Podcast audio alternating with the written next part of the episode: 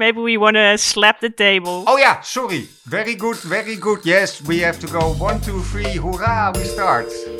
Uh, three, two, one. Yes, this is never at the same moment, but it only goes about the peak. So finally, we start this episode, ladies and gentlemen. Uh, we are going to talk about how can we radically change the mobility within the municipality of Amsterdam. My name is Geert Kloppenburg. The name of the podcast is uh, the Metropolitan Mobility Podcast, and how can we keep metropolitan areas accessible? And I'm doing this podcast with my favorite sidekick, she, uh, Karin ten Hage. She has worked in this field for a very, very, very long time already in logistics, worked for uh, TNT and sustainability, uh, worked for many different companies. Logistic mobility. Have I said everything right so far? Ab- above from that, we know each other already 15 years. Is this a proper well, introduction, Karin? Well, it's it's definitely a proper introduction. And and what I think I've never revealed before is that my particular interest goes out to uh, changing behavior of changing the behavior of people. So you mentioned a lot of logistics and e-commerce, etc. But my real, real deep down focus is always on people. Okay, so I learn every day. Again, now I did this special uh, series of interviews already with you about mobility as a service. And in your words, what are we actually looking for or trying to ask to different persons uh, uh, in this series of interviews? Well, I think with this this quest to find a radical redesign, we're trying to understand how as a municipality, uh, we can influence the digital domain to actually get to that radical redesign. And we're talking a lot about digital highways or digital infrastructure, etc., etc. But but what is it really all about? And I think in today's podcast we're going to zoom in onto something more specific, which is inclusive mobility. And I have this question. This is sort of a nagging question in the back of my mind: is if we designing all these new sort of really technical solutions or app driven solutions, are we not super biased and only designing for people that look and talk and think like us? So digitally illiterate, high income, high education, etc., etc. Are we missing out on an important subset of society? White men like me, middle aged, and like your women, but like thinking out of your own yeah, bubble. I, I didn't want to make it way? as specific, but yeah, are we designing only for Geert Kloppenburg? That's or the most are there important more thing people? anyway. But let's go to our guest because Sofia Ranchordás, and I've probably pronounced it wrong for the hundreds of times. Are you there already now with all your recording stuff from up north in, in Holland, in Groningen? Are you there? I am. Hi, Geert. Hi, Karen. Thanks eh, for having good. me. Hi, Sophia. Oh, Karin, can you give a proper uh, introduction for our professor? Because then she doesn't have to do it herself. Of course, he's got a CV that's quite long. So let's us talk about it and then she can say what we forgot. Yeah, I'm actually super excited that you're here, Sophia. I mean, you've got an impressive career. You're currently a professor of European and comparative public law in uh, Groningen, as Geert just said, at the University of Groningen. And I'm I'm so interested in your specific focus because you st- actually look into the relationship between the public and the private actors when it comes to the implementation of uh, disruptive technology. And you've published on smart cities, on sharing economy. So all the stuff that we are actually looking into, you have looked into. And I actually saw that your agenda or your research agenda for the coming years will be about digital exclusion. So that is just spot on of, of what we're going to be talking about today. So super glad you're here. Well, thanks for having me. I think you really covered it all because I really I'm interested in digital exclusion. Um, and I really think that it is important because most people only talk about law and technology from the privacy side, but they really forget the human side of technology. And that's what I'm really trying to approach with my research. What does including mean for you? You, you are the professor here. So we are just talking about it. What, what would your definition be? Uh, so that. including means that just like Carol was saying, everyone, like uh, every citizen feels that there is a place for them. So regardless of their differences, regardless of their preferences, there is a way for them to find, for example, mobility, uh, find a way to, um, uh, to have access to transportation or to pedestrian infrastructure That is what inclusiveness is. And when we talk about inclusive mobility, many people think, well, it's only about for people that have disabilities. No, it's not. There are a lot of people who don't feel included because they actually don't have the income to spend on public transportation because they don't feel like cycling. And people in the Netherlands will tell them, no, in the Netherlands, we cycle. So if you want to live here, you also have to cycle. I'm sorry, but that is not really inclusive. That is imposing your values on other people. And a society which wants to be democratic should not only impose values, you should also like have an eye for different values and different preferences. What's the, the problem having that bias? Uh, well, we see that um, research on mobility of citizens with a migrant background, so many of them, for example, are Dutch, uh, the citizens actually uh, move less and have fewer job opportunities than native Dutch citizens who have uh, more mobility. Um, very often because they don't feel comfortable cycling, because they have less income to spend, but also because they just don't feel like they can really use certain apps. So this, all these mobility as, ser- as service is something totally unknown for them. So it really has the effect that they have less mobility. So less opportunities in when it comes to education, jobs, and social activities as well.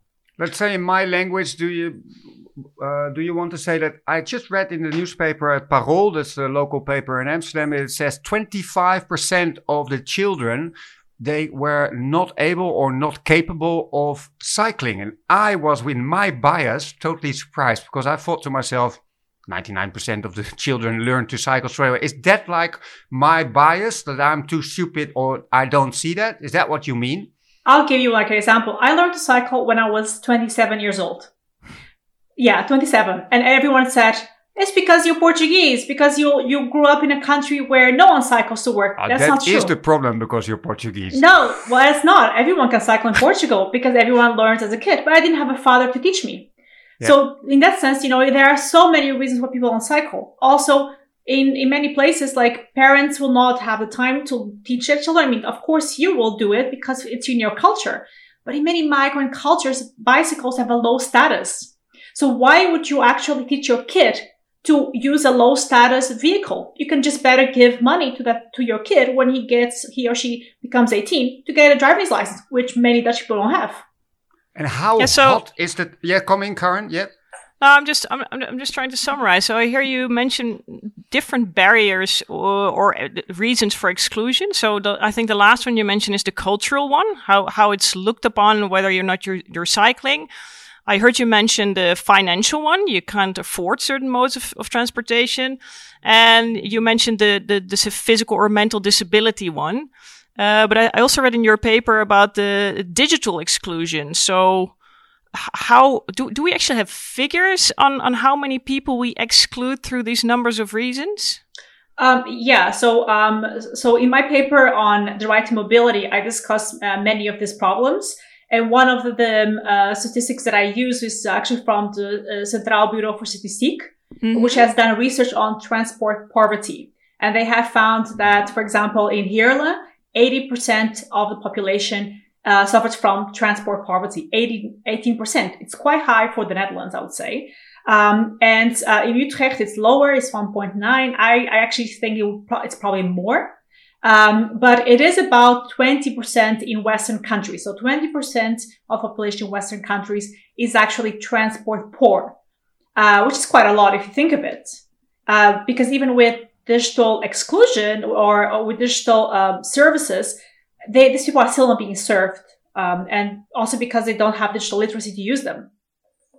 Is that digital literacy also part of that of that particular research that you're mentioning?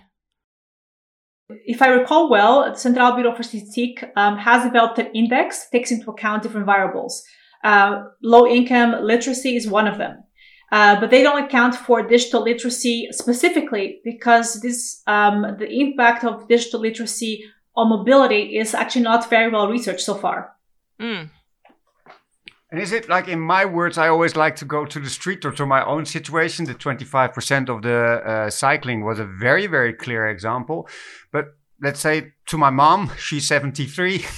Uh, she's just learned to use her iPhone.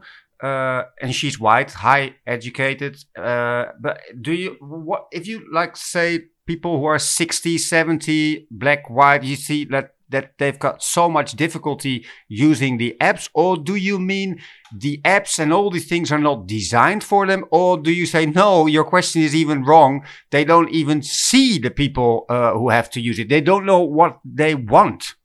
I would say all of all of it, basically.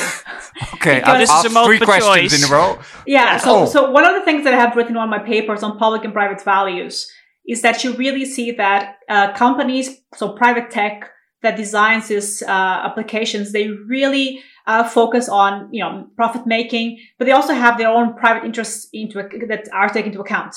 They don't take into account the public interest of inclusiveness.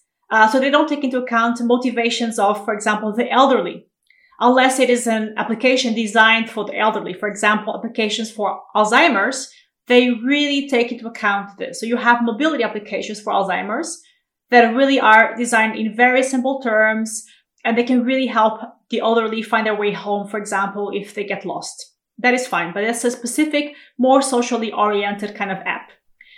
So we're now talking definition and problem, and I think you you gave quite a clear definition of, of what can actually um, cause the exclusion of certain groups of people from decent mobility, and also what it results in. So less access to social to social activity, to the services that the city offers, to maybe even healthcare and education and jobs.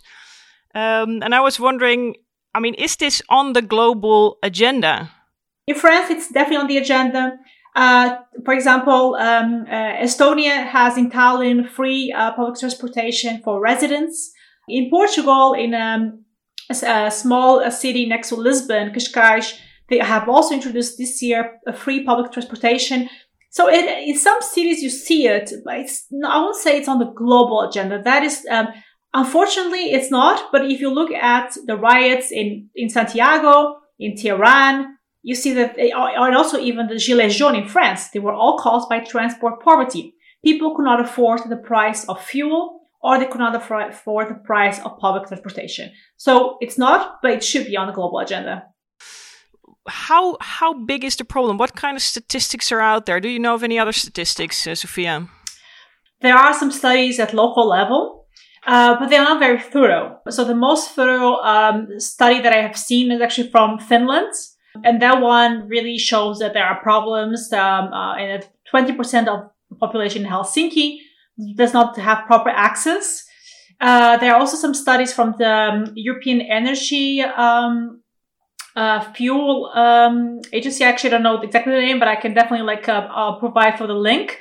And they actually like calculate the, um, the impact of public transportation, of just transportation in general on a household income. So that those statistics exist. And again, it really varies depending on the country. So, um, so, uh, I would say that in Hungary, for example, like 30% of the population, 40 have more problem, have uh, problems paying for uh, transportation. In the Netherlands or Sweden is much less. So it really varies. Uh, but there are some statistics, uh, in general. Uh, but I would say that they focus mostly on the impacts of the cost of transportation on household income. Ah, yeah, okay. So, which percentage of your income is actually dedicated to Exactly. transport or should be dedicated? Exactly. Karen, that's- Karen, that's can I the- react on? Sorry, Karen, can I react on that too? I saw a couple of papers in the south of Rotterdam. They had a specific area there, and I did an interview, a podcast interview with uh, Roger Demkes, and he Yeah. talked about this called vervoersarmoede. I think it's just uh, poverty, Transport uh, poverty, yeah. Yeah. transport poverty, and they were doing these first researches on it. So it was not uh, much what I've seen so far. But he says he was also surprised, just as the professor was saying that it, that it was so much bigger in Rotterdam than he thought. Then, then my idea was maybe you haven't studied it yet, but I'm always like, okay, I'm talking to like, how is it for my mother? But how is it for the people in Almere? Who are we talking about? I want to more visualize the person. Is it the person living in far west? Who do you think are are we talking about? Can you give us? Have you got describe them? Uh, we're talking about usually women uh, with migrant backgrounds, and actually with migrant backgrounds, also men can be affected. Young people are very often affected by transport poverty. And, uh, and not only people, uh, young people living um, in rural areas, but also within cities. You see that um, I think um, Roger Demke also mentioned that in the podcast that people from Rotterdam South never cross the bridge. Uh, they are always there. They never go to the city center of Rotterdam because it's just too expensive to take the tram or they don't feel like, you know, like uh, cycling or they can't. So actually, uh, I would say it's usually people with a migrant background living in suburbs, which are usually uh, not as wealthy. You know, people that work in uh, low paid jobs, I would say. So uh, is it also very much 24 hour work? Like we used to work, Karen and me worked at, I worked in TNT in, uh, uh parcel sorting, uh, sorting, sorting in a night shift. Sort, in a night shift. So that yeah, there were a lot of people there, and then they had to use a car, and they always came by a very old car at three o'clock at night because the public transport was not running. Let's say this was the south of Utrecht, but there's also one very big uh, sorting center uh, in Amsterdam uh, west side in the harbor. Is that what you mean? And that's why they go in a riot if they put up the prices for gasoline? Yeah, absolutely. I, I mean, there are uh, locations like uh, like many factories are located really in the middle of nowhere. Um, and if you have public transportation, it will only be for uh, working hours. So that really means that if there are shifts, people will have to have a driving license. And maybe uh, a, a, man will actually dare to go uh, at three o'clock in the morning to, to start a shift. But would a woman do that? I'm not sure. So many of these people who actually don't have access to, to proper transportation, they can't uh, accept certain jobs. And now with the, the economic crisis will probably start with the corona situation, there will be probably jobs like at sorting centers, which will only be limited or reserved for people that have access to private transportation. But this is interesting. Eh? So this is this is a particular group that we're trying to describe, and while we're describing, I'm getting a little bit anxious because I'm I'm thinking, we are talking about these people that we don't know, we don't live their lives, uh, we ha- don't have them in our podcast. Uh, we cannot ask them how they experience it, uh, how big the problem is, how they perceive it, etc. And I'm just starting to wonder that maybe even our listeners, who are also experts, could help us sort of put together this almost pie chart of different groups and the different numbers, because I've read reports on uh, mental and physical disability transportation or people with a mental or physical disability, but that excludes this group. So it it's like there's does. all siloed, siloed figures, but who has the overview of the numbers of the different groups? And have we actually talked to them to understand, okay, what is it that you need? Okay, Karen, but then I come up with maybe a difficult question. How does a researcher, a professor, solves this problem trying to get to know what their demands are? If you're that would, how do you do that? How do you try to get that data interviews? How do you work on that? I mean, I'm a lawyer, so uh, so for me, I would say that what interests me is whether this is having an impact on their rights. Um, um, so that is how I'd approach it. I would first see, well, is this having an impact on uh, their right to work, for example? Um, that's how I would first frame it. Um, a right ba- right based approach to work. Work is also what I do in my paper. Um, but if you would be a social scientist in a broader sense, you would have to conduct interviews, perhaps a survey, where with uh, and actually you probably have to do door to door interviews to really ask people uh, when have you been outside of your neighborhood? Um, have you tried to apply to a better paying job outside of Rotterdam South? Um, and that would be the best way to really understand how people, these people feel. But I have the feeling that a lot of public bodies do not want to solve the problem, not only because it, it's just, it affects like 20% at the worst scenario population, but also because they associate it with poverty in general. So they think if they are able to get their finance on track, then they can actually be mobile. And that's not totally true. Transport poverty is much more complex than just low income. And it seems like there is a cause and effect. So how are you going to get your finances in order if you don't have access to mobility? So yeah, yeah exactly. I mean, uh, it, it is like uh, it is basically so multidimensional and so circular that you need to actually get the right transport or the right mobility first. And I mean, I think in my paper, I also refer to mobility justice, which is a concept that really refers to having access to uh, mobility on equal, on equitable terms, which means that if you need to work at a sorting center at night, you might need to have access to private transportation. That's not a luxury. But I mean, in many cases, social security might see owning a car as a luxury. So you wouldn't have, um, you wouldn't have maybe uh, the right to have benefits if you own a certain kind of car. This has been discussed, for example, in Australia in a case. And I think it's important to see what, what does, do these people need to get out of the circle of poverty. Um, and mobility justice is really about making sure that you treat citizens equally by taking into account their needs, their motivations, and also like their uh, ambitions. And, and that is quite complex uh, uh to actually implement in practice. Yeah, so we've been talking a lot about the problem, but do you know of uh, any current solutions that are being tested? Uh, yeah, so um, there are some projects out there. Um, so the most famous at the moment is called Universal Basic Mobility, which basically seeks to provide free public transportation to everyone. So this is what Tallinn has uh, has been uh, uh working with, as well as some cities in France, uh, like for example Dijon, if I'm not mistaken middle-sized cities in France, I would say, uh, and also Cascais in Lisbon.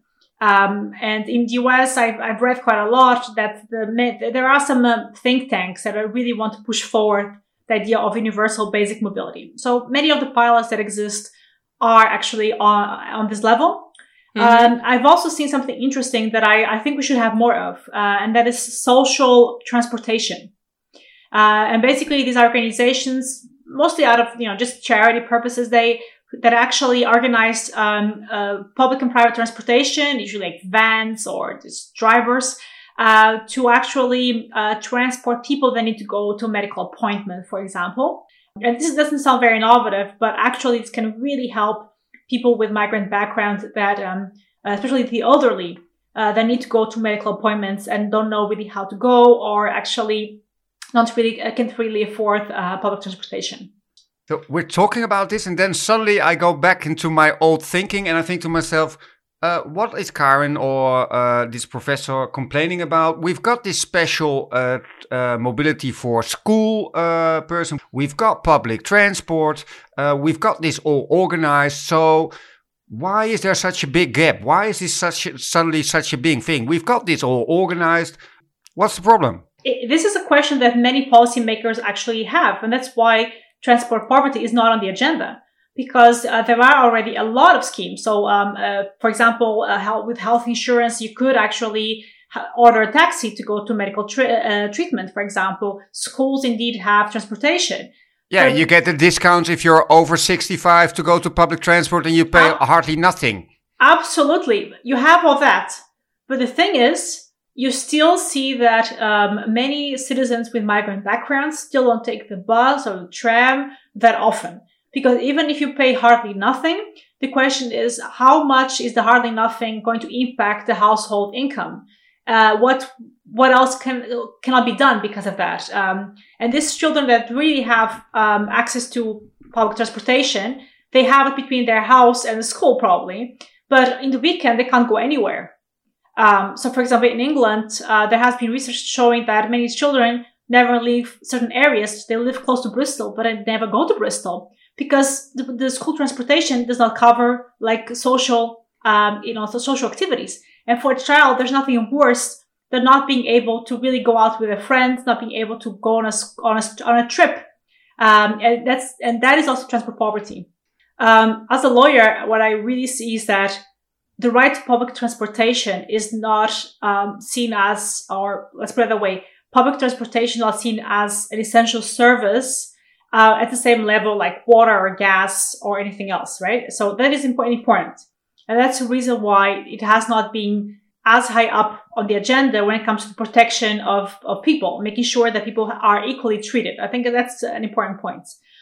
When we, well, if you want to redesign uh, public and private transportation to make sure that everyone has access to it, I think we need to first rethink the relationship between public and private actors in the mobility sector. So what I have been writing about uh, on for a couple of years, because mobility as a service provides more mobility options to those that already have a lot of options.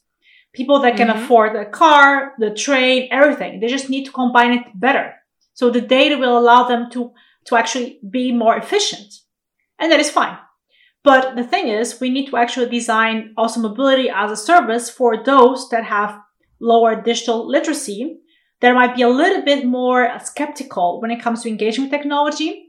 And also those who cannot afford uh, always a train. The train is actually quite expensive uh, for um, for some group of people. So we need to actually come up with uh, subsidies, for example, uh, and this costs money. And that's why redesigning uh, for everyone uh, is quite unaffordable because it will cost quite a lot of money. So subsidies not only for people above 65, but also for others. So for people with low income, I think that would really help quite a lot.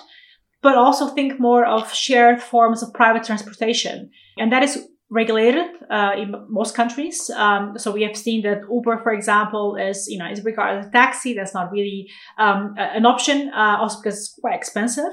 But we should think more about forms of um, shared transportation that really operate as more social transportation, so that people that feel isolated and excluded can still have access to a form of um, of transport. And it sounds not just to a form of transport, but also to a form of social interaction, almost. Exactly. Exactly. Just think of, for example, uh, there's something that I really love um, that is actually seen also in Amsterdam: the taxis for ladies, the pink taxis, the pink cabs. Uh, I'm not sure how it's called, but um, uh, there are a couple of companies of pink cabs, and you have in, in Asia you have it quite a lot. And imagine you'd have like a pink van for certain areas where actually, um, you know, the community could run it, you know, like uh, only for women with children, for example, that would like to go somewhere. Um, I mean, this could also be for men. I mean, I'm inclusive. I, I wouldn't mind about it, but oh, I'm is, very glad that I can go as well, Sophia. Yeah, you can go as well. You also. Uh, no, go ahead. Included. Go ahead. Everyone is included. This is yeah. actually my idea. Is not only for just for the migrant background. I mean, I don't want to sound biased. I think no, no, go go on with the idea. I like the idea. just proceed. No, more community driven. But so more community, community driven. I mean, I mean, nowadays in the Netherlands and also in the UK, you have this um, new right called the right to challenge, uh, which is more focused on managing public goods. So, for example, uh, a community has a park or a garden uh, which is really run out, and usually it should be municipality taking care of the garden. The idea of the right to challenge uh, is basically to give some money to the community, and the community will basically uh, take care of the garden as they see fit. Why don't we do that with transportation? I mean, this would go, against quite a lot of regulations, but maybe we should flexibilize that a little bit more. And I have written also about innovation friendly regulation, and that also covers social innovation. So maybe we should really think about community driven uh, solutions for mobility and then the big question comes up to my mind like, do you use the new technology like the Uber ones? Do you use it like just for uh, to adapt the city, or do you actually use the new technology for the needs of the people? That's the main main question I bump into all the time when I'm talking about this uh, subject. Do you? What are but your I think thoughts? I think you're also writing about that, Sophia, right? So how yeah. how can tech actually serve the public interest? How can you yeah. arrange that in in sort of the legal framework? Yeah, so I have a paper um, on exactly on this point on actually the conflict of um, uh, public and private values when it comes to the platform economy. Um, and in this paper, um, one of the one of the platforms, or actually one of the companies we analyzed, is actually Lime, so the e-scooter um, um service. And um, I mean, Lime, of course, offers Lime or other mobility services. They really offer really good options for uh, for citizens or for tourists. But I really wonder who is really using them. Uh, I could assume it's probably more mostly like high, uh, highly educated citizens. Once again, um, when you actually look at the public and private interests uh, of this, um, you know, e-mobility services, you see that there's still quite a lot. We still have a long way to go because you know, if you're a company, you want to like basically get the most out of it, you know, profit making. It, it's normal. It, it's totally normal. But I don't really think we always have the same interests. Uh, I don't think pub- the public interest is always served by these companies. It might be, but I think uh, municipalities have to really negotiate that. They really have to co-regulate more. They have to really tell these mobility companies, look, um, we want you here. Uh, we can, you can help our mobility uh, plans, but you really need to make sure that there are also some scooters in in uh, the less fashionable areas of Amsterdam. How do you think you, as a municipality, policy-wise, you should act on this? Commands and control uh, regulation or top down regulation, if you will, top down regulation is never the best solution uh, because it always means that uh, you know companies will not be very willing to accept it. So the best way, you know, from my perspective, is really to uh, negotiate the terms, um, do you know, like co-regulate if you have to, but just like um, talk to the company and say, look, you want to have uh, e-scooters on um, on the pavement, on the public pavement, fine. Uh, but have you thought of also like um, putting some, you know, like scooters also like in these areas and on those areas? I mean, it's private property, so of course, municipality cannot regulate private property, you know, extensively. Uh, but I think it would be good if we see transportation and also micromobility as an essential essential service. Then I mean, there, we can also talk about, you know, like making sure that all areas have access to it. But let's let's make it super explicit because because we are making this podcast to really also support the municipality in setting this regulation. So you're talking about co-regulation. What what is this? What is the sort of space that they can use to actually start regulating? Is there any space? I think when it comes to local public transport, municipalities can still impose some uh, obligations on companies. Um, it just really depends on um, on how you do it. I mean, for example, with with bus lines, um, it's you know you usually have you know concessions, uh, which means that one company will uh, will basically um, win the concession. But I think when it comes to micromobility, I don't know. It hasn't really been discussed. I don't actually know exactly how micromobility um, whether micromobility has already been regulated by any municipality at local level, for example. I, I actually don't know. Uh, but I can imagine that municipalities could do it because it's basically something that is put on the pavement and you cannot obstruct the public mm-hmm. way. Let's let's look at it from a different angle because we're talking about accessibility and then also from from a physical and mental disability point of view. So I can imagine that, and there's actually been a, a, a paper published on that, uh, Maas aan de Amstel, which literally describes what is needed for people with mental and physical disability actually engage in sort of normal transport. And it has to do with, for example, different customer interfaces. Not everybody can use the app. They need to go to a call center to be sort of supported in planning their trip. It's, it's also the sort of paratransit. How do we get people from one transport mode to the other or even into a tram? Um, it's maybe training drivers so they can handle people with special needs. It's about making sure that the data on the availability of all these extra things is known and shared how how can we sort of enforce this, if at all? I'm so glad you raised that point because that's something where the Netherlands is still not really taking action. But in UK and in Denmark, there's something called assisted digital, uh, and that is that is actually a policy which has been introduced uh, to really help people with disabilities or even the elderly people that just don't know how to engage with technology to really be able to use all these apps and, and be able to even file their taxes online. Um, so assisted digital is really a policy that we should also have here because this would really make the, the difference. Um, so assisted digital, if we will have a big policy like uh, UK has been attempting to have for some years in Denmark, we could actually make this more visible and probably or hopefully more people would actually um, be available to actually help those that, um, that actually have some accessibility issues. Can we make it more explicit? If I'm working for the municipality of Amsterdam, then what is it that I should sort of start writing up tomorrow or I start implementing in the digital domain? You mentioned the case of logistics, for example. Um, in logistics, you know that uh, everyone knows that most trucks drive half empty or they drive back empty, and that's a huge problem also for the environment, right? Mm-hmm. Well, there are, we also have probably data on how many buses or vans from the municipality, from all these companies that work for municipalities are empty, right? We probably have that data.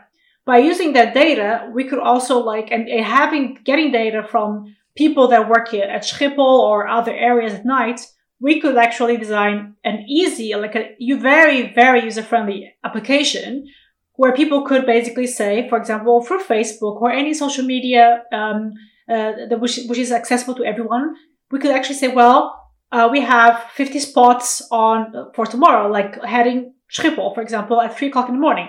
Then we could combine the internet with the infrastructure. We have the infrastructure, we have the data, and then we have to design something which is really user friendly. And if you do that, you can actually, you don't have to regulate a lot, especially if you actually are just using um, systems that are out there. Uh, so basically, regulation would not be totally in the way. Uh, the question is whether you would have permission to use the infrastructure. That is something which you would have to regulate on a contractual term, I would say. But mm-hmm. you could mm-hmm. do that by, by doing that. But the digital literacy problem has to be solved. And I don't think we can really raise the digital literacy of people so fast. But we, what we could do is make sure that the application is designed in the easiest way possible and that we, so that we really motivate people to use it. I think we're going to end this because otherwise we will going full uh, phase again. I had my first child coming in for the homeschooling already. Yes, Good. that happens as well, ladies and gentlemen. That was one of the four ladies coming in. Uh, but let's say the last question, maybe or final thought. What we did, with, with, what did we really miss out? What do you still want to add very briefly? What we missed out so far?